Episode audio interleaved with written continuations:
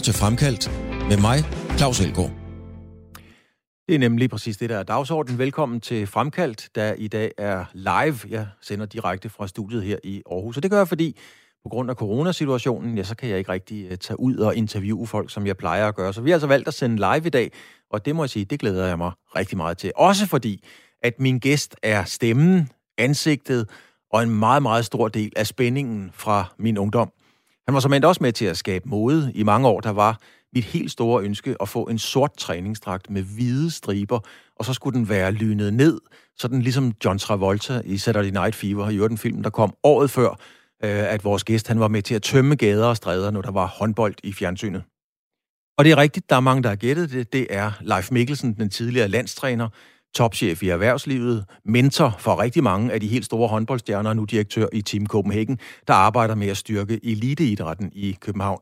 Leif Mikkelsen genfødte det danske herrelandshold, og, var, og det var med ham ved roret, at Danmark kom i flere semifinaler, både ved VM og OL. Leif Mikkelsen, øh, hjertelig velkommen til. Sidder du også i disse tider og nyder håndbolden i fjernsynet? Jeg vil sige, at øh, jeg glæder mig til, at der bliver mere nydelse. I øjeblikket der er det sådan lidt en, en, en komisk fasong med alle de her meget, mange nye nationer. Ja, hvad synes du om det? Altså, der er jo 32 lande med, og med alt respekt, så skal de jo også lære det, men der er jo også nogen, som man siger, der næsten ikke kan kaste og gribe. Ja, jeg vil også nok sige, at øh, det ligner meget Hassan Mustafa, som er præsidenten for det internationale håndboldforbund. Hans tiltag til at sikre sig stemmer nok ved at få en masse ikke håndboldkyndige nationer ind under IHF. Jeg synes, at nogle af kampene har for lavt et niveau. Var der ikke sådan nogle øh, badebilletter med, kan man godt tillade sig at kalde det, da, da du var landstræner der tilbage i slut 70'erne, midt 80'erne? Selvfølgelig var der niveauforskel, men øh, så grælt som det er i dag, galt det ikke dengang.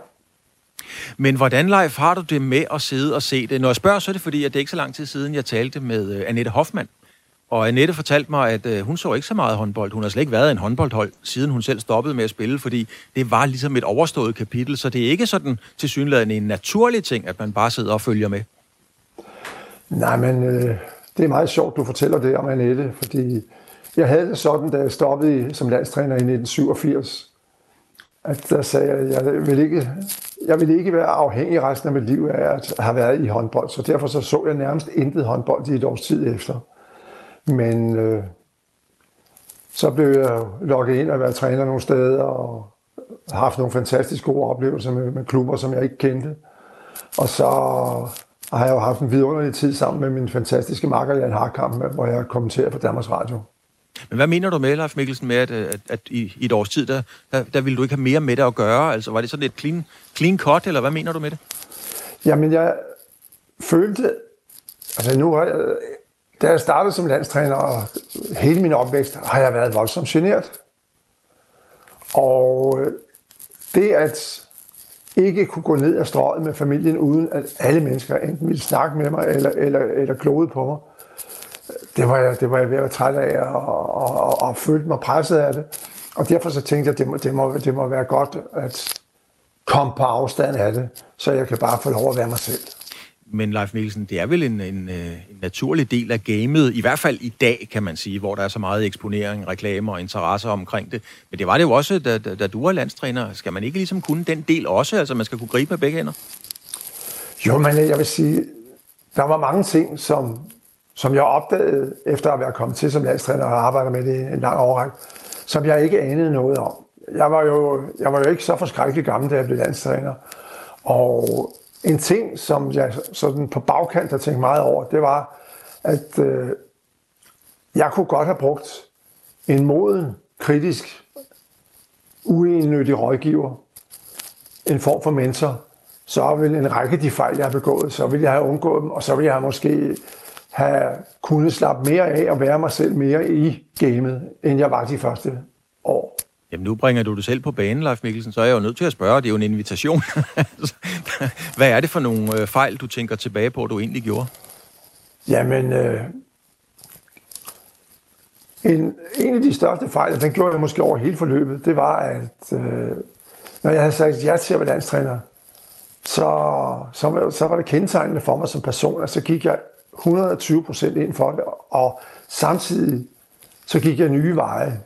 jeg tog meget tidligt den danske, det der svarer til elitetræneruddannelsen. Det var sådan en treårig uddannelse, hvor man hver sommer brugte en uge på Idrætshøjskolen i Vejle. Og da jeg skulle i gang med mit tredje år, der fik jeg at vide, at DHF, det kunne jeg ikke få lov at komme med på, fordi de havde lavet en administrativ fejl. Jeg var simpelthen for ung til at være med. Men øh, jeg har altid stræbt efter at få, få inspiration og viden. Og da jeg følte, at den danske træneruddannelse var mindst talt jævnt kedelig, så var jeg også relativt hurtigt til også at opsnappe, at der skete noget på Balkan, nemlig specielt i Jugoslavien, hvor der var ja, alle tiders største øh, herretræner nogensinde, som skabte nye dimensioner i spillet, som jeg var enormt nysgerrig efter at få fat i. Og der kan man jo så sige, altså så kommer jeg jo nok til at tænke på Vlado Stensel, og må ikke det er ham, vi taler om. Åh, oh, det kan ikke være andre. og, og, og, og, og den gode Stensel, han var jo mildt sagt ikke generet. Jeg kan huske et billede, der gjorde stort indtryk på mig. Jeg tror, det var efter, han blev verdensmester med, med, med Tyskland i, ja, det må være 78, ikke? Men så, ja. hvor han lader sig fotografere med en kongekron, det kan jeg huske, det gjorde et vildt indtryk på mig. Jamen, han blev offer for det selv, fordi for ham var det også nyt at blive dyrket i den grad. Og det kunne han slet ikke håndtere, så det endte jo med, at hans videre fortsættelse i Bundesliga, altså i Tyskland, det, det var ikke godt.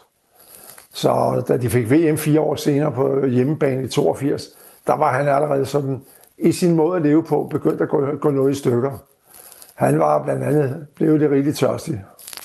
Der var, øh, ja, det tror jeg, Leif Rammer øh, meget præcist på det. Øh, men, men, men han var jo også øh, en nytænker, altså han var jo mange år til synlædende fremad.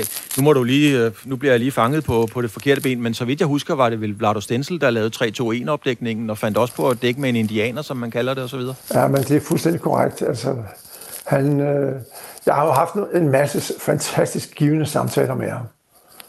Og øh, han, han sagde, at da han kom til, der kunne han godt se, at hans spillere for, for, for den nation, han repræsenterede, den fik han aldrig til at, at og han ville heller ikke selv agere, som om han var i et af de store østeuropæiske kommunistiske lande, hvor systemet bestemte alt. Så derfor sagde han, det nytter ikke noget, at jeg vil have mine spillere til at veje ligesom de russiske spillere, som også formentlig tog stoffer, som de ikke burde tage. Så vi må finde en anden måde at spille på. Og der brugte han et fantastisk udtryk. Han sagde, det nytter jo ikke noget, at vi vil kæmpe mod mand mod mand. For der har vi ingen chance. Vi skal til gengæld ødelægge deres kommunikation i spillet, og der definerede han kommunikationen som boldenes baner. Og derfor så gik han jo fra at spille det, man kalder mandsomdækningsprincip, til at spille zoneprincip. Og i den grad så fandt han på nye banditstreger, altså både 3-2-1 forsvar, som lavede et enormt pres, og også indianer. Og så lavede han yderligere et, hvor han, hvor han lavede en, en, en angriber, eller en, ikke en angriber, men den forreste forsvar, ligge og bevæge sig, ligesom om vedkommende stemplede som bagspilleren på modstanderen, det angribende hold. Og dermed kom de til at stjæle en masse bolde, og det var, han sagde, vi er jo en nation af hønsetyve, så det passer også fantastisk at spille på den her måde. Men Leif Mikkelsen, nu, nu tager du så til Balkan, du får øje på Vlado Stensel og så videre. Ligger det meget til din natur at være opsøgende? Og, og, fordi du var vel en af de første danske elitetrænere, der ligesom kiggede på, hvad er det egentlig, man gør der? Og ovenikøbet, hvad er det, man gør nogle steder, der måske var lidt forbudte, kan man sige, at interessere sig for? Altså er du sådan som person meget nysgerrig på, hvad der rører sig? Ja, så så er der, så er der også ting, som, som er nye, som, som jeg kan mærke, det, det, det, det, det bliver aldrig mig. Men, men deres tilgang til det, da jeg, da jeg fulgte med i forbindelse med OL i 72 i München, hvor de i alle kampene indtil finalen havde spillet med deres nye 3 2 indianer, så vidste jeg, at den tjekkiske træner, som de, som de skulle møde i finalen, han var top forberedt på det. Og så dækkede de 6-0 i hele kampen. Altså, han havde den der enorme taktiske frækthed til at lave, ikke trækkende som reaktion, men han tog action hele tiden.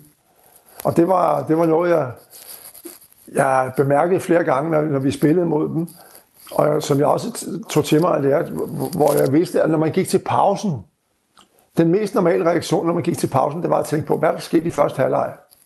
Hvordan undgår vi, at det sker igen i anden? Og det var det eneste, man ikke skulle gøre, når man spillede mod Vlado. Fordi han skiftede taktik i pausen, så man anede ikke, hvad han kom med efter pausen. Og jeg havde en gang, hvor jeg havde, ud fra mit kendskab til hans måde at tænke på, ramt rigtigt, hvor vi havde fat i dem. Og så kom han hen fra den jugoslaviske bænk og stillede sig ved midten, og så siger han til mig på tysk, har du, har du lyttet ved døren? Og det følte jeg som den største anerkendelse, jeg overhovedet kunne få.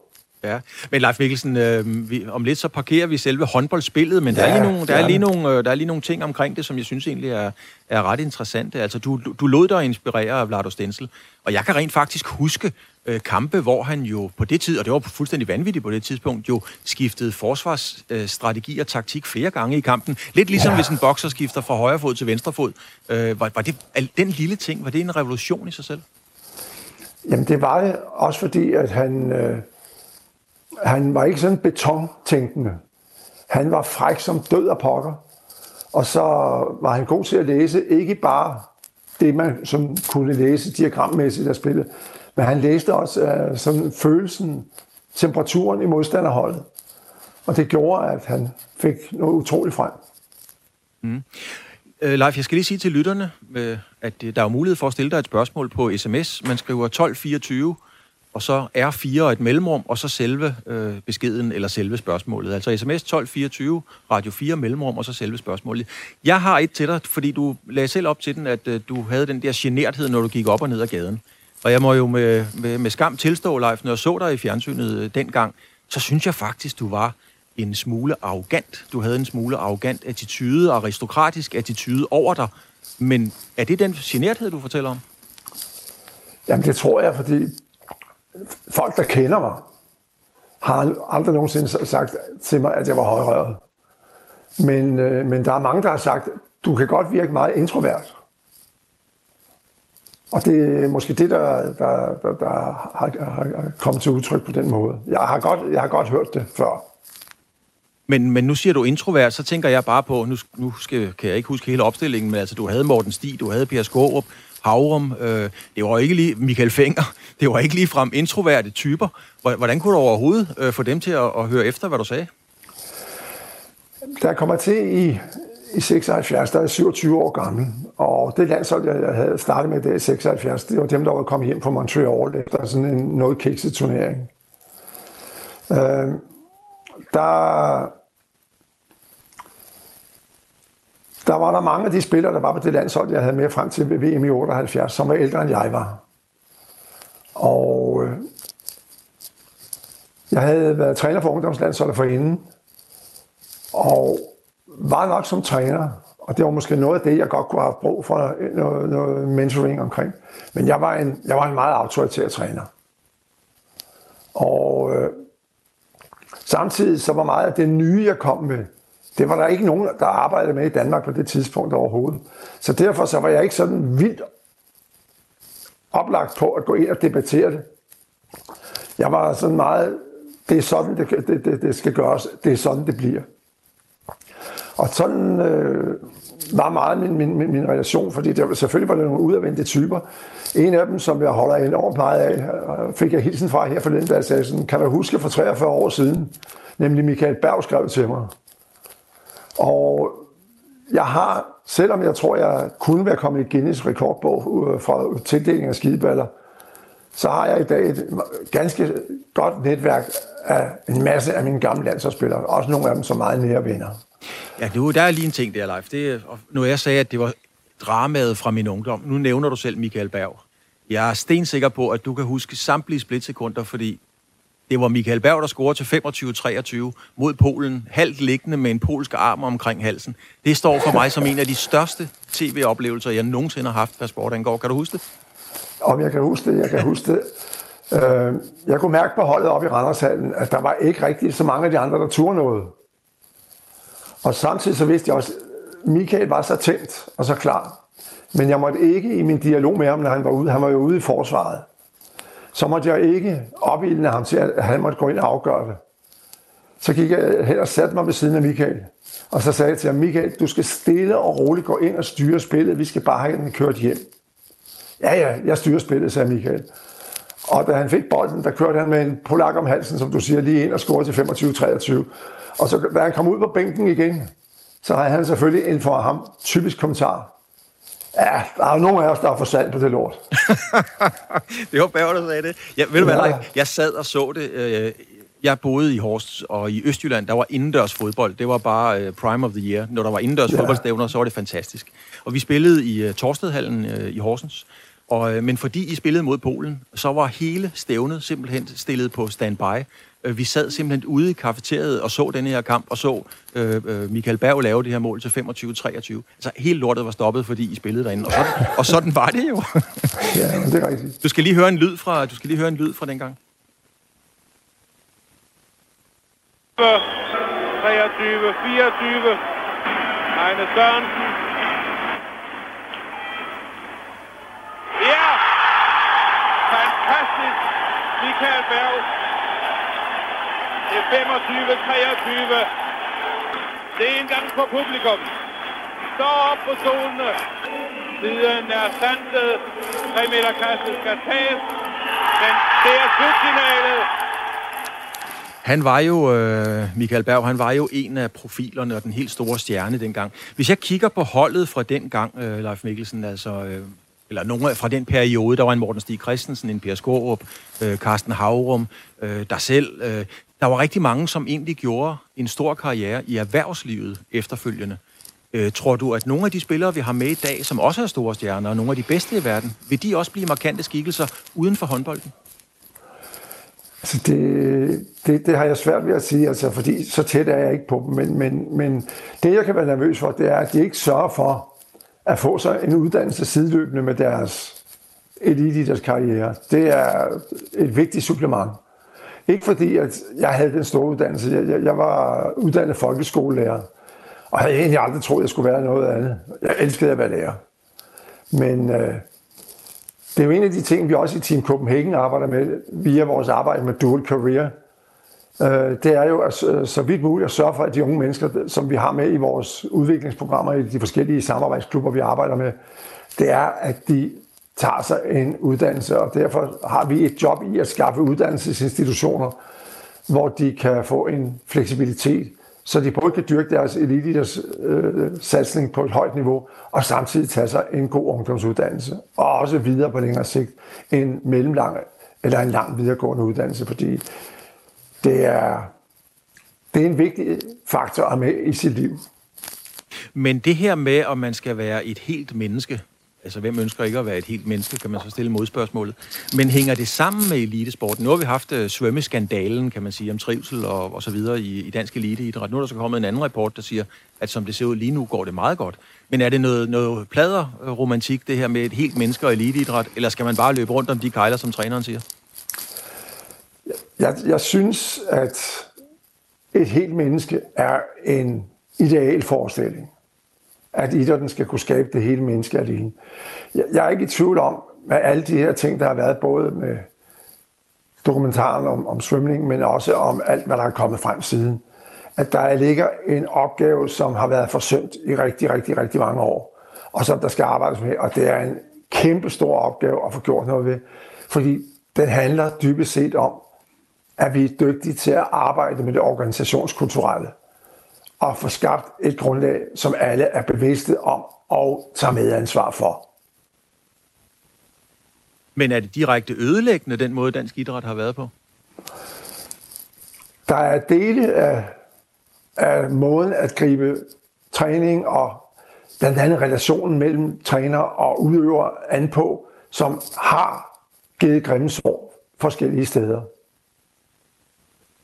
Men man kan jo også sige, hvis vi bliver i sammenligningerne, altså hvis, hvis vi tager nogle af de folk, du havde dengang, altså som øh, det kunne være en Erik Veje, en Morten Stig, Per Skårup og så videre, øh, det var jo nogle, en, en flok halvstuderede røvere, øhm, og med alt respekt for spillerne i dag, jamen så har de måske ikke læst helt så meget Sartre, så det er vel meget naturligt, at man også går til dem på en anden måde. Jamen det er det, og jeg vil også sige, at jeg er ikke, jeg er ikke sådan tilhænger af vildt sådan standardiserede operationelle løsninger. Øh, jeg, jeg havde en af de mest spændende opgaver, jeg har haft i mit liv. Øh, ansvaret for den organisationsmæssige og den kulturelle fusion, dengang man lavede de to olieselskaber, Hydro og Texaco, sammen.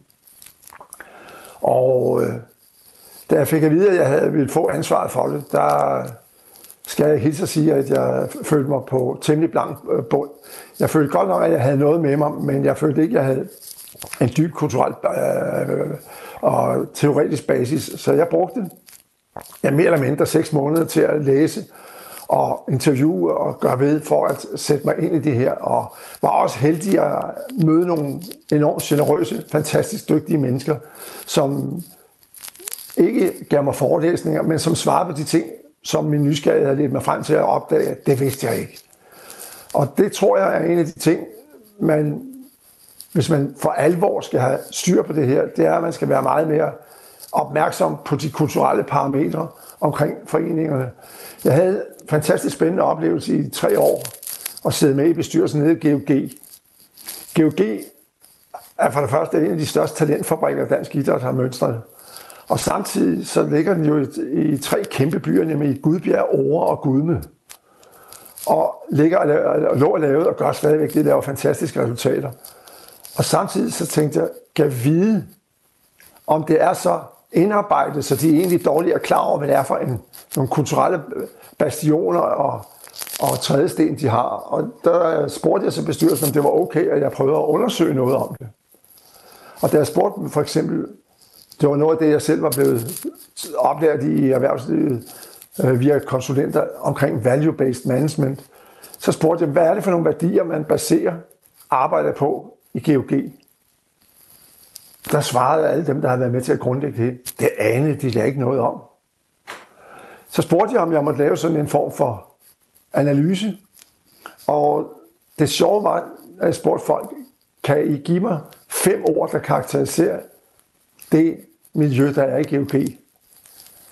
Så kom der i alt ni ord, som nærmest gik igen hele tiden. Og det var uafhængigt af hinanden, at de der ord, de bare kom. Og så for sådan at teste det helt sjovt af, så spurgte jeg på det tidspunkt, der havde GOG to russiske kvindelandsholdsspillere. Uh, og der spurgte jeg den ene af dem, som talte en lille smule skoleengelsk, uh, hvad hun havde oplevet, da hun kom til GOG. Så sagde hun, I've got a new family. Og familie, det var et af de ord, som alle dem, jeg interviewede omkring GOG, henviste til. Og da jeg så senere sagde til ledelsen i GOG, jeg tror, I skal passe på, at I passer på de værdier, I har.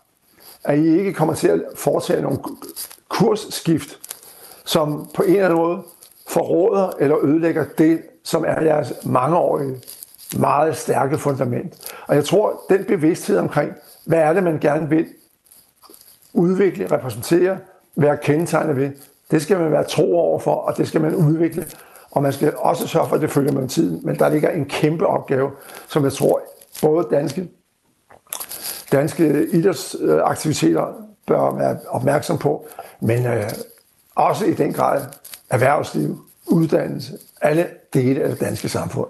Men det er jo nogle gange, øh, Leif Mikkelsen, svært at holde konceptet, fordi jeg kan godt ikke genkende det til, at jeg dækkede selv øh, GOG på det tidspunkt, som du taler om for Danmarks Radio. Øh, og jeg ved ikke lige, om det var før eller efter, men, men, men GOG gør jo rent faktisk det fra at være hele områdets familie. Så lige pludselig så løb der syv, mand, syv kvinder rundt fra Holland, og så røg tilskuertallet fra 1500 ned til 212, og så var det lige pludselig øh, knap så interessant. Jeg mener, det var under, ja, det må have været Paul Syberg, der var chef dernede på det tidspunkt.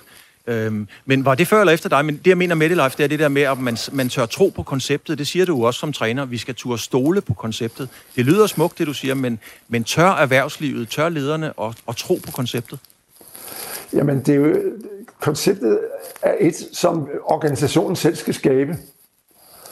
Øhm, da, da vi fusionerede Hydro og Texaco, der valgte jeg, i stedet for at, at øh, sætte mig ned med direktør sammen med mine kolleger i, i, i topledelsen og beslutte, hvad er det for nogle værdier, vi gerne vil øh, have afspejlet, så tog jeg rundt i hele landet til en stor del af vores øh, forskellige centre og, og, og, og på forskellige kurser og spurgte ind til, hvad det var, man mente, der var vigtigt. Og det, som en servicetekniker eller en oliechauffør mente var vigtigt, det var ikke ord, som måske nødvendigvis blev brugt i vores regnskabsafdeling. Men, øh, men noget af det, jeg lærte, det var, at det er vigtigt, at man har muligheden for at tage ejerskab af det fællesskab, der er. Og selvom jeg over på CBS har fået at vide, I skal ikke have mere end 4-5 værdier, så bliver det for meget. Så startede vi op efter fusionen, da vi gik ud og introducerede vores værdigrundlag og den kultur, vi vil arbejde efter, med 13 værdier. Samtidig med, at vi sagde, at vi kommer nok til løbende at reducere det, når vi bliver enige om, at der måske er nogle af de her ting, der mener det samme. Men det gjorde, at alle led i organisationen følte sig identificeret og set. Og det tror jeg er enormt afgørende. Og der vil jeg også sige, når du så refererer til, at man i GOG begyndte at have rigtig mange hollandske spillere, jamen det var lige i den sidste tid, jeg sad der. Og vi havde også nogle, nogle meget hæftige diskussioner øh, om det. Og den daværende bestyrelsesformand, Peter Eriksen Jensen og jeg, vi gik nogenlunde samtidig, da vi ikke var helt enige i, i, i den udvikling, der var på gang. Hvis man øh, kigger på det her med, med, med fællesskabet, altså øh, det franske herrelandshold med Jackson Richardson, de var jo båret meget, da de bliver verdensmester af, af, af det her enorme fællesskab. Men er det ja. nok, altså slår fællesskabet de dygtige individualister? Nej, det er, der er ingen tvivl om, det er begge dele skal være til stede. Men jeg vil samtidig også samtidig sige, at øh, det var ikke noget tilfælde, at det var så harmonisk et landshold, det franske, og som også var så utrolig dygtig krisemæssigt. Der, Udover at han var en dygtig øh, træner, så var deres landstræner, så underviste han også, så vidt jeg husker, på Sorbonne i filosofi. Så det var et menneske med nogle enorme dybder og med en enorm forståelse for kulturelle sammenhænge. Og det er også det, man arbejder med, når man arbejder som træner. Lad os blive lidt øh, på den boldgade der, Leif Mikkelsen. Jeg har en fornemmelse af, at du er sådan et, øh, skal vi sige, musisk, kunstnerisk menneske. Faktisk sådan en, man kunne tænke sig, han går sgu nok meget i teateret, ham der. Og måske også en gang imellem ind og høre noget, noget opera og sådan nogle ting. Øhm, er du et dannet menneske? Ah, jeg tror mere, jeg er nysgerrig. Fordi den, den, den klassiske dannelse, den, den, den havde jeg ikke med mig. Altså man kan sige, øh, hjemmefra, for eksempel musik, der var vi opdraget til, øh, der var en ting, som, som, som betød noget øh, musikmæssigt for os som børn. Det, det, det var Siro 413.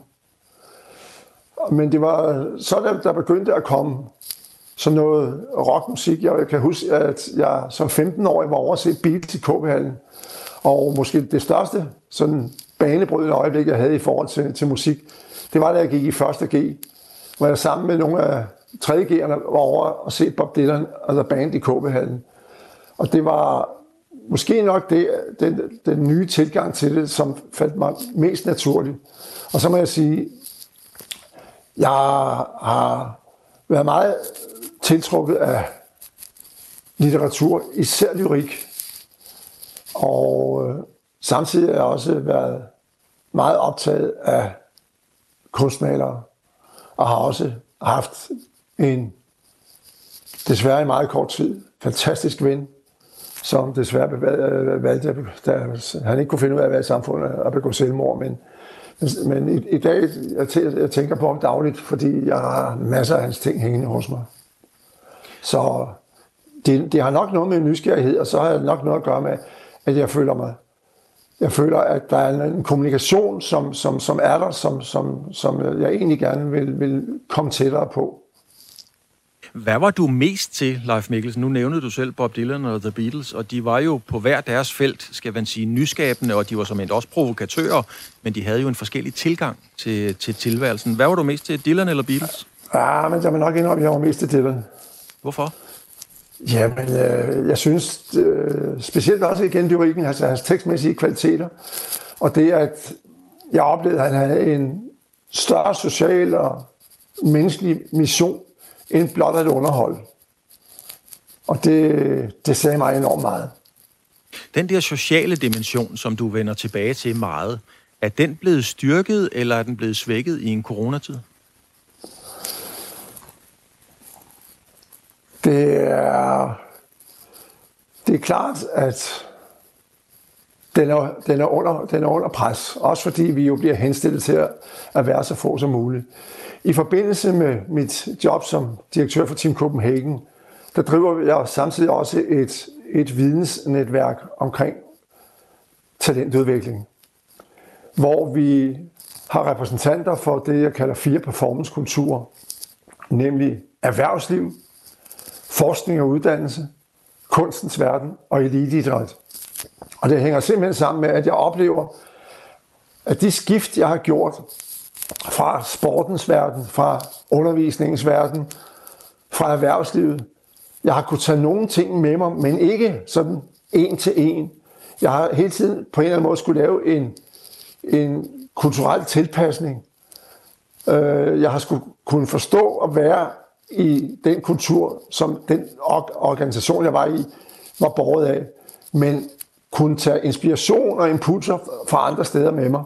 Og det, jeg havde på et tidspunkt et fantastisk godt møde. Det var lige da vi var startet med Team Copenhagen. Der havde jeg møde med Christian Schultz Jørgensen, som på det tidspunkt sad som markeds- og kommunikationsansvarlig for det kongelige teater. Og vi, vi sad og talte om, hvad, hvad kunne være spændende at lave. Og det første, vi lavede sammen, det var et projekt om, han sagde til mig, live, øh, jeg ligger med landets, øh, man kan sige, fineste teater i København. Og vi har omkring på det tidspunkt 20 procent borgere i København med anden etnisk baggrund. De kommer aldrig i vores teater. De kommer for øvrigt i ingen københavnske teater. For øvrigt heller ikke på nogle københavnske museer. Men i idrættens verden, der, der, der lykkedes det jer. Hvordan pokker kan det være? Og så lavede vi i 2006 noget, vi kaldte Kulturmødet, hvor vi lå kæmper ud for Nørrebro Taekwondo Klub. Drenge med anden etnisk baggrund mødes med solodansere for den kongelige billet.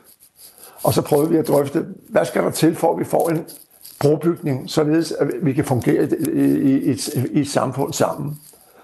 Og der havde vi blandt andet øh, taekwondo-træneren, som var koreaner, en af træne danserne i højspring. Vi øh, havde vi fik inviteret alle junior, de der elitekæmper ude fra Nørrebro Taekwondo Klub ind til en, en øh, dobbeltforestilling øh, i ballet øh, på, på det kongelige teater, og det var en kæmpe, kæmpe oplevelse. Men samtidig så oplevede vi også, hvor store kulturelle afstand der var imellem, samtidig med, at de her unge knægte fra Nørrebro, som var vant til at, at lave flyvende spark og lignende, da de blev spurgt af den derværende balletmester Frank Andersen, hvad de, hvad de mente om det her, så sagde de, det er, de er godt nok seje, de dansere. Og inden da, der havde de sagt, I må ikke sige til de andre ude fra, fra, fra Mjølnerparken, at vi er herinde i dag, fordi de tror alle sammen, at de er homoseksuelle. Mm-hmm. Jamen Leif, lad os, lad os prøve at, at blive øh, i, i billedet. Altså lad os, øh, lad os lade de håndboldspillere, der er i dag nede og spille øh, VM, være dem, der laver flyvende spark. Og så er der de andre, der tænker lidt, ikke mere over tingene, fordi det lyder negativt, men som perspektiverer tilværelsen på en anden måde, altså de gamle spillere, som du havde. Øhm, er, er de unge mennesker i dag slet ikke bevidst nok om den verden, vi lever i? Dengang, da du var træner, der havde man jo idræt for fred. I dag har man godt nok Black Lives Matters. Men ved de præcis, hvad det står for i din optik? Det tror jeg nok. Altså, det man skal øh, tænke over i den forbindelse, når man øh, eventuelt kigger på forskellen mellem dem, jeg havde til at starte med, og så dem, der er i dag, så må jeg sige, at at vi i de år, jeg havde dem, formåede at lave tre fjerdepladser. Når man tænker over, hvor lidt træning mine spillere havde i forhold til de østeuropæere og de topprofessionelle vesttyskere, vi spillede imod, så, så, så er det klart, så brugte de tid på meget andet. Kravene til at være topprofessionel håndboldspiller i dag er meget store. Der er meget træning, der er meget rejse, der er meget entydig fokusering. Så det er, det, det, det er en svær grad, men jeg, jeg, jeg, vil, jeg kan ikke forestille mig andet, at der også er en lang række af dem, som også har nogle mere, som kan vi kalde det intellektuelt præget interesser. Jeg, jeg har ikke nogen forestilling om, at, at, at, at, at, det er, at det er nogle snævre personligheder, vi har med at gøre. Fordi alene det, når jeg ser på, på deres træner, Nikolaj Jakobsen, som jeg var heldig at have fornøjelsen af i et halvt år i 99, og så frem til udgangen af januar 2000, så må jeg sige, der er, Nikolaj har ikke nogen store, større, store uddannelse, men Nikolaj har et enormt humanistisk reservoir. Altså, han er, han er en fantastisk personlighed. Så det er ikke, det, jeg tror ikke, der er noget galt med dem, men, men jeg tror, konditionerne har været forskellige. Det affleder lige et spørgsmål til, til mig. Nu sagde du selv de her, øh, de her tre fjerdepladser i 78, 82 og 84 må det jo have været. Har du, kan du, Leif Mikkelsen, kan du slippe de kampe? Eller sidder du nogle gange stadigvæk med en kop kaffe og tænker, åh, oh, bare jeg havde skiftet sådan ud? Øh, jeg oplevede, da min gamle far han døde, at han i en vis scene var lidt bitter. Og øh, det gjorde så ondt på mig, at jeg lovede mig selv, at jeg bliver aldrig bitter. Så er du nødt til at tage de kampe i forhold til, hvad du ikke har været tilfreds med, med dig selv, i stedet for bare at gå rundt og være låst på dem. Og jeg vil samtidig sige, jeg er altså ikke bitter. Jeg, jeg, jeg er hammerstolt af de der tre, øh, fire pladser, fordi de konditioner, vi havde, kontra de konkurrenter, vi var op imod, gjorde, at det næsten var naturstridigt. Og så må vi samtidig sige, at hvis vi skal sammenligne os med nogen, vi, vi kan sammenligne os med, så kunne det være nationer som Sverige, Norge, Island. Og i den periode, fra 76 til 87, der var vi altså dominerende i forhold til de andre nordiske lande. Men Leif, var så, du bitter op til den oplevelse, du fortæller om her? Nej, jeg var ikke. Altså, jeg, det, det, det, jeg har aldrig... Jeg, jeg ærger mig i 78 over, at da vi spiller den, den, den øh, sidste pulje øh, mellemrundekamp i, i Herning mod Sverige, at de sidste 20 minutter, der løb Sverige og holdt på bolden. De var bagud med en 5-6 mål, men holdt på bolden. Det gav ingen mening. De kunne ikke opnå noget som helst, udover at de kunne genere, at vi ikke kom i finalen. Det, øh, lige da vi gik ud derfra, jeg har også et billede, der hænger stadigvæk på min opslagstavle, hvor Morten Stig kommer hen og trøster mig. Der var jeg rasende. Øh, ved VM i øh, 82 i Vesttyskland, der spiller vi den afgørende mellemrunde kamp om finalen, hvor vi spiller uafgjort mod Ungarn. På et tidspunkt, der scorer Bjarne Jeppesen på et hurtigt opløb et mål. Samtidig med, at på vejen op ad banen, da han er på vej i det her hurtige opløb, der er der en tilskuer, der fløjter. De to dommer slog ud med armene. Ingen af dem har fløjtet, altså så skulle målet have talt. De bliver kaldt ud til dommerbordet af, af den øh, chefofficial, der sad der, og så peger han på den ene af de to dommer, tyske dommer, og så siger han, du fløjtede.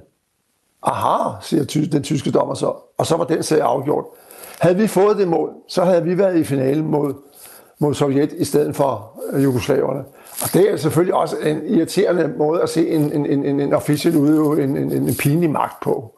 Men der kan jeg så fortælle dig, Leif Mikkelsen, at nu går der noget op for mig, fordi at øh, jeg har jo arbejdet med Morten Stig Christensen, har jo været min chef i, i 15 år. Det vil sige, at jeg har været til cirka 30 mus-samtaler med ham. Og de 28 af de mus-samtaler, der er den første halve time gået med at snakke om en kamp mod Ungarn. Det er jo formentlig den der.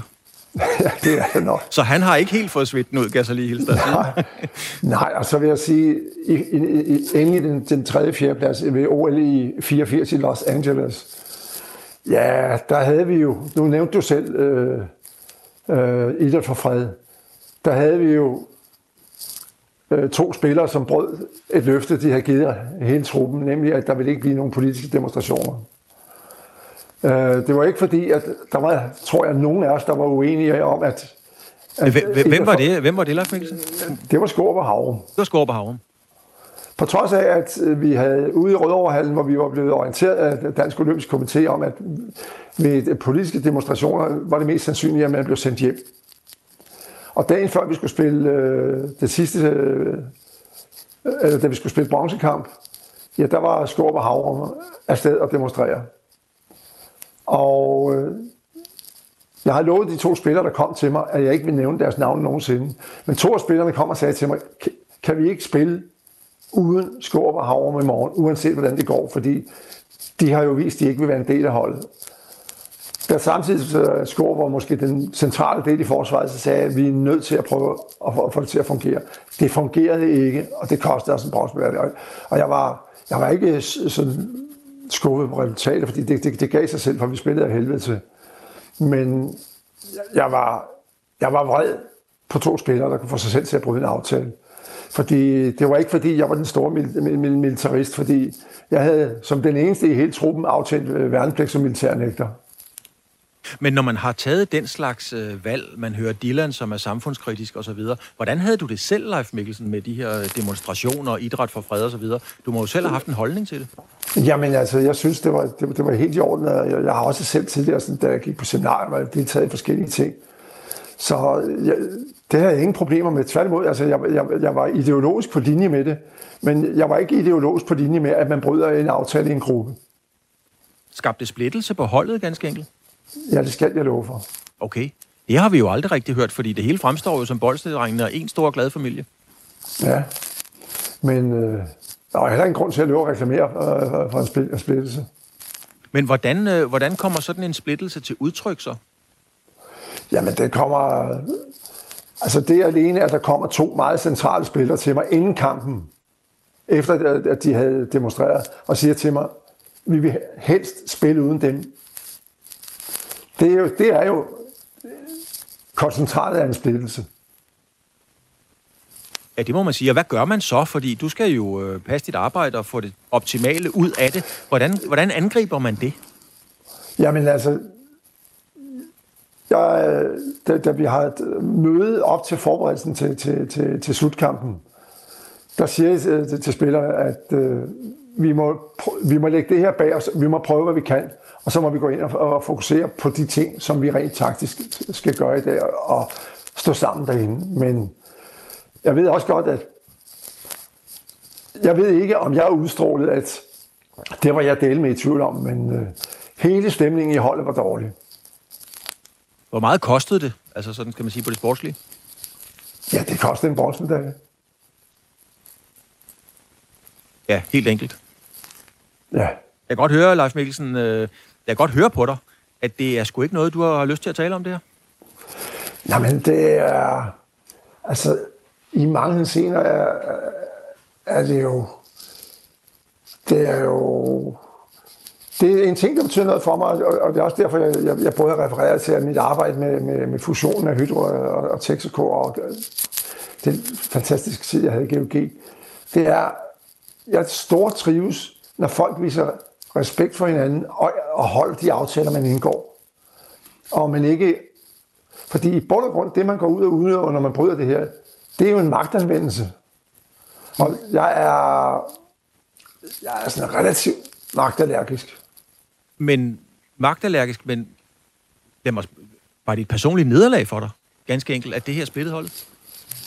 Nej, for jeg, jeg, jeg, jeg følte, at det skete. Øh, jeg følte ikke, at jeg, jeg, jeg, kunne, jeg, jeg kunne have gjort mere. Jeg mente, jeg, jeg, jeg, ikke mente, jeg, oplevede, at det lå uden for min øh, mulighed at gøre noget ved, fordi det, det var jo ikke et spørgsmål om, at de sagde, nu går vi ned og gør det her. Det var noget, vi lige pludselig fik at vide, at nu var det sket. Hvis man så tager den frem til i dag, altså der er jo, der er jo Black Lives Matter og så videre, ja. og, og det, I arbejder med talenter, og en del af talentudviklingen, det er jo også, at man skal kunne gøre sig i medierne og så videre. Øhm, hvordan bearbejder du det? Hvordan, hvordan arbejder I med det? Skal de mene noget? Må de mene noget? I forhold til mange af de krænkelser, som er, som er set, det gælder både i medieverdenen, det gælder alle mulige steder, det gælder i sportens verden. Der er der mange af dem, der er blevet udsat for krænkelser, som har ikke vidst, hvor de skulle gøre af sig selv, som har følt sig flove og, og, og følt sig såret, fordi de på en eller anden måde har følt, at de har været en del af det. Og noget af det, øh, så sent som i forbindelse med den handlingsplan, som vi har fået godkendt af Team Copenhagens bestyrelse her på december bestyrelsesmødet lige før jul, der er vi gået ind i det her, hvor vi blandt andet har en, for alle vores elever på det, der hedder vores akademilinje, dem, der har den der fleksible uddannelsesordning, der har vi en code of conduct. Altså, hvor de er klar over, hvad er det for nogle rettigheder, de har. Altså, både hvad de selv skal tage ansvar for, men de også har rettigheder for at sige fra. Og derfor har vi også i forhold til de miljøer, som vi ligger og arbejder med og støtter, der har vi nu den øh, aftale, at øh, de har et sted, hvor de kan henvende sig. Der er simpelthen i forhold til vores uddannelseskonsulent, øh, Lise, der er der en hotline, som de er velkommen til at ringe til, hvis der er noget, som, som, hvor de føler sig klemt, og de måske føler behov for hjælp. Men Leif Mikkelsen, og, så, så, så flytter jeg den lige til, til en mandsopdækning fra at sige vi til dig. Hvad synes du om det? Jamen, jeg synes, at øh, det er det er pinligt, at det er foregået så enormt meget og så, øh, så, så, så længe. Og det er også derfor, at jeg har gået ret hurtigt ind i det. Og, og da vi sad med det her i foråret øh, to, øh, 2020, og der sad og diskuterede, hvad, hvad, der sad vi og diskuterede, hvad, hvad skal vi have på programmet på vores Talent.dk-seminar i november 2020, og blev meget, meget hurtigt om, at vi skal lave noget omkring etisk ansvarlig talentudvikling. Og da vi havde siddet, jeg sad med Lise, vores uddannelseskonsulent, da vi havde siddet øh, og haft det på møder øh, sammen, så sagde jeg, at vi kommer ikke udenom, at det her, der har vi et ansvar som styrer øh, udviklingen og støttende myndighed i forhold til eliteidrættens udvikling i Københavns Kommune. Så det, det skal vi ind have gjort noget ved. Og så har vi knoklet på. Og det er jo ikke fordi, at vi bare sådan har blevet pivhammerne enige fra dag et, fordi vi er, vi tre, der har siddet med, der er tre meget forskellige mennesker. Men vi har knoklet på, og vi har fundet ud af, også på baggrund af den proces, meget fine proces, der i øjeblikket sker i, i samarbejde mellem Danmarks Idrætsforbund og Team Danmark, at finde så meget vi overhovedet kan et både et forebyggende netværk, men også et netværk, hvor man hurtigt kan komme, hvis man har behov for hjælp. Fordi det her, det skal vi til livs. Leif Mikkelsen, lad os lige, øh, vi har små 10 minutter tilbage, lad os lige gå lidt tilbage til, til håndbolden. Altså, man kan jo så godt lide at sammenligne. Øh, jeg kan godt lide at tale boksning, og så bliver jeg altid spurgt, kunne Muhammad Ali vinde over Mike Tyson? Og det er sådan ligegyldigt lige nu, men nu nævnede du selv Michael Berg som en af de gode, Morten Stig, en Per Skorp. Kunne de overhovedet være med på, på det niveau i dag? Kunne de være med nede i, til VM i dag? Altså, der er ingen tvivl om, at den, øh, de krav, der øh, stilles i dag til at, at spille med på, på øverste niveau der, kræver en helt anderledes træningstilstand, end jeg tror, nogle af de tre herrer har været i nærheden af. Men, øh, men øh, jeg vil sige, hvis jeg skulle sammenligne lidt, så, så Skorup og en Henrik Mølgaard, der er nogle fællestræk der. Og øh, Morten Stig kunne absolut godt have klaret sig som en god bagspiller. Og Michael Berg ville have været atypisk, fordi han med sit helt fantastiske øh, store skud. Vi har en Mikkel Hansen, men Mikkel har også spilfordelerfunktioner. Men øh, måske, der er i hvert fald elementer af Mikkel Hansen, som også Mikkel Berg øh, Rome Mikkel var med en relativt behersket træningsindsats en af verdens aller, aller, aller farligste skytter. Så at sammenligne det direkte, synes jeg er svært. Men kunne man så, fordi, hvis vi så tager en, til Mikkel Hansen til sammenligning, så kunne man jo sige en Jens Erik Røbstorff. Kunne han gå ind og, og være med og spille Mikkels plads? Ja, eller, øh, han vil ikke være fuldt så farlig som Mikkel. Der vil jeg snart sige, at han kunne gå ind og spille måske sådan noget som Rasmus Lauke, øh, øh, de der playmaker-positioner. Øh, øh, Jens Erik var en, en spiller med nogle enorme fine kvaliteter i retning af at gøre de andre bedre. Så er der nogle, der er nogle myter fra den gang, og nogle historier, Leif Mikkelsen, og dem må du altså, fordi jeg har bøvlet med dem i 30 år, nu vil jeg simpelthen vide, om det er rigtigt. Uh, en af mine, jeg havde to spillere, som, som jeg var uh, vildt fascineret af. Den ene var jeg sgu bange for, det var Jerzy Klempel fra Polen. Ham kunne jeg simpelthen ikke lide. Han var sikkert en flink fyr, men jeg kunne bare ikke lide ham. Og så var jeg vildt fascineret af, af Peter Kovac fra, fra Ungarn. Jeg har lavet mig fortælle, at Peter Kovac, måske var det Erik Veje, der fortalte mig det, han trænede hopskud med en medspiller siddende på ryggen. Er det en løgnhistorie? Jeg har ikke hørt den. Men det kunne jeg godt forestille mig, fordi han var jo ikke ligefrem sådan en, en, en, en, en, en spændstig atlet, men, men, men der var kraft i det, han lavede. Han var vild. Ja, det var, han var uhyggelig, han var uhyggelig at spille imod. Og, og hvad med Klempel? Hvordan havde du det med Klempel? Altså, jeg blev simpelthen, jeg, kunne simpelthen, jeg var simpelthen sådan lidt, lidt angsten også med fjernsynet. Ja, men jeg må sige på en anden måde, altså, nu var det jo Klempel, der brændte det, det, det frikast efter tid op i Randers. Men øh, jeg vil sige, jeg må tilstå, at jeg nogle gange greb mig selv i at sidde og nyde ham spille. Mm. Han var super elegant og en fantastisk skytte. Men, hvor meget, hvor meget trænede de dengang, Leif Mikkelsen? Fordi at, altså det kan vi jo godt sige, det er jo en kendt sag, at, at Østblokken er jo senere blevet taget med bukserne nede og, og fingrene i kagedåsen omkring doping og så videre. Så I ja. var jo op mod nogen, der snød på vægten. Men hvor meget trænede I vægttræning? Hvor, hvor, hvor meget var det en del af jeres øh, træningsdag? Jamen, øh, det blev selvfølgelig, øh, da jeg overtog holdet, var det, var det relativt behersket, eller det var for visse spillere nærmest ikke eksisterende. Men det, det kom om ind i, i, i mindre udvikling. Jeg kom selv som, som værende træner for det, der hed Saga i København. Og jeg kan huske, at Anders Dahl sagde, øh, da vi debuterede, der debuterede vi nede i Fredericia, der sagde han, ja, ja, ja, nu skal I jo huske, at det er ikke nogen atletikforening, der, der, der, der skal spille med her i divisionen, fordi han, han synes, vi løb lidt rigtig hurtigt. Hmm. ja, Saga, Men, Saga, det var jo... Øh, der, når vi bliver på det intellektuelle, så spillede du vel, eller var sammen med Jens Hansen, øh, den skaldede idrætspsykolog. Det må have været den tid. Ja, ja. Jeg, jeg spillede sammen med ham, og jeg har trænet ham. Ja, ja. Leif, øh, programmet her hedder jo Fremkaldt, og normalt når jeg er ude, så tager jeg min mobiltelefon frem, og så tager jeg et, et billede af, af den, jeg nu interviewer. Det kan jeg jo i sagens natur ikke her, men, men øh, lad os lave det sådan øh, imaginært. Øh, du tager et billede af dig selv øh, på nethinden og fortæller mig, hvad er det for et billede, du ser af dig selv, der hvor du er i dag? Jamen, øh, Jeg ser et billede af mig selv, øh, som er præget af, at jeg i dag er 72 år. Og jeg, øh, jeg er stadigvæk nysgerrig, jeg, jeg bliver stadigvæk fanget af ting, og der er ting, jeg brænder for til stadighed.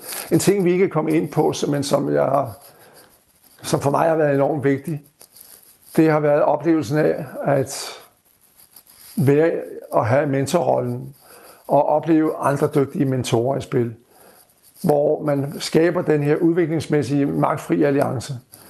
Og den må jeg indrømme, at øh, jeg starter med at sige, at da jeg som ung træner kom til, var jeg en meget autoritær træner. Men efter fiaskoen i Moskva i 80, tog jeg op i mine forældres sommerhus, fordi jeg egentlig indstillede mig på, at jeg, jeg skulle nok fyre som landstræner. Og så for ligesom at lige være klar til at tage det drøg. Da jeg så kom hjem, der havde jeg samtidig borget den optimisme, som kendetegnede mig. Tænk, hvis jeg får en chance, så skal jeg være træner på en helt anden måde. Så skal jeg være langt mere dialogbaseret, end jeg har været. Og det, det tror jeg også, jeg har været som leder, og jeg tror, jeg stadigvæk er det som leder.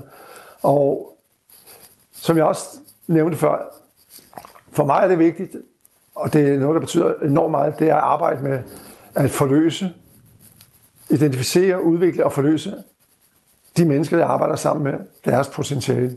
Men Leif Mikkelsen, jeg, jeg, nu, jeg laver lige den der, du ved, med, med, med, med fingrene op mod en flad hånd, der siger, vi stopper lige tiden her, ikke? Jeg spurgte dig jo, om når du så dig selv på billedet, hvad du så så. Er det oh. den generthed, som du startede med at sige, du har, der forbyder dig at fortælle, hvad du egentlig ser, når du kigger på det billede? Nej, jeg, jeg, er ikke, øh, jeg tror ikke, jeg er så generet nu. Jeg, jeg, jeg er måske jeg tillægger det måske knap så stor betydning. men men øh, jamen jeg, jeg kan se, når jeg ser på det billede, jeg ser mig selv, så kan jeg se en, der, som, som har levet et godt liv, som, øh, som har gjort nogle gode ting, som også har lavet nogle fejl, og som øh, gerne vil se sandheden og virkeligheden i øjnene, og som øh, er enormt taknemmelig for alle de fantastisk gode mennesker, jeg får lov at møde, og det gennem tiden. Har du egentlig og... stadigvæk, din stemme er jo ikonisk fra, den kan vi huske fra dengang, men nu kan vi ikke se dig, Leif Mikkelsen. Har du stadigvæk det der sorte mustache, som jo også var en del af forklædningen dengang, i, i en periode i hvert fald? Ja, den havde jeg fra jeg var helt ung, og så, til, og så indtil for, for omkring 15-17 år siden, der røg den. Og så har den ikke været der siden. det var ellers en, øh, en alvorlig... Det var en stor del af dig jo. Ja, det, men den røg. Ja. Hvordan, hvordan er det, Leif Mikkelsen, vi kan lige nå at runde? Nu sagde du selv, øh, da du kom på en omvej her med at være, at være mentor. Altså jeg ved, fordi det har Morten Stig Christensen fortalt mig, at du har været hans mentor. Dig og Thor Nørretranders, bare I var der, så kunne i den her verden slet ikke gå galt, sådan havde Morten Stig det. Jeg ved sgu også, at du var mentor langt hen ad vejen for Marit Breivik, da hun skabte det norske håndboldeventyr. Det er jo et stort ansvar liggende på sine skuldre. Jamen, jeg vil sige, jeg bliver spurgt af norsk håndbold, om jeg vil være mentor for mig. Jeg jeg vil sige, fortæller mig, hvad det går ud på. Og jeg må samtidig sige, jeg har i dag et meget, meget, meget nært personligt venskab med Marit. Og jeg fulgte Marit i fire år. Og jeg lærte mindst lige så meget, som Marit gjorde. Og jeg har haft fornøjelsen af at kunne bruge det, jeg lærte, også i andre sammenhænge. Og det, øh, det er noget af det, der for mig stadigvæk er en drøm, jeg godt kunne tænke mig at se eksponeret og udnyttet, også når vi arbejder med udvikling af de københavnske trænere og ledere. Men, men, men det at have den der mentorrolle, altså hvor folk læner sig op af din viden og tror på, at det er det, der bringer dem sikkert igennem den her tilværelse. Hvordan er det?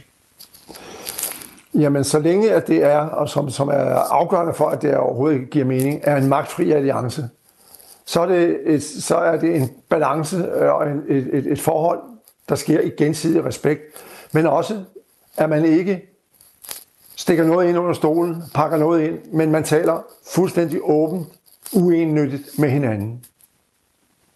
Og det har vi gjort her i den sidste times tid. Øh, Leif Mikkelsen, tidligere håndboldlandstræner igennem rigtig mange år. Det blev til øh, tre øh, fjerdepladser, det vil sige, det blev til tre tabte, øh, hvad skal man sige, semifinaler, men det blev delen dybt med også til mange sejre udenfor. Leif Mikkelsen, jeg ved godt, man må ikke være starstruck, når man er professionel journalist. Jeg har glædet mig helt vildt meget til det her. Jeg håber, lytterne havde den samme dejlige oplevelse ud af det. Leif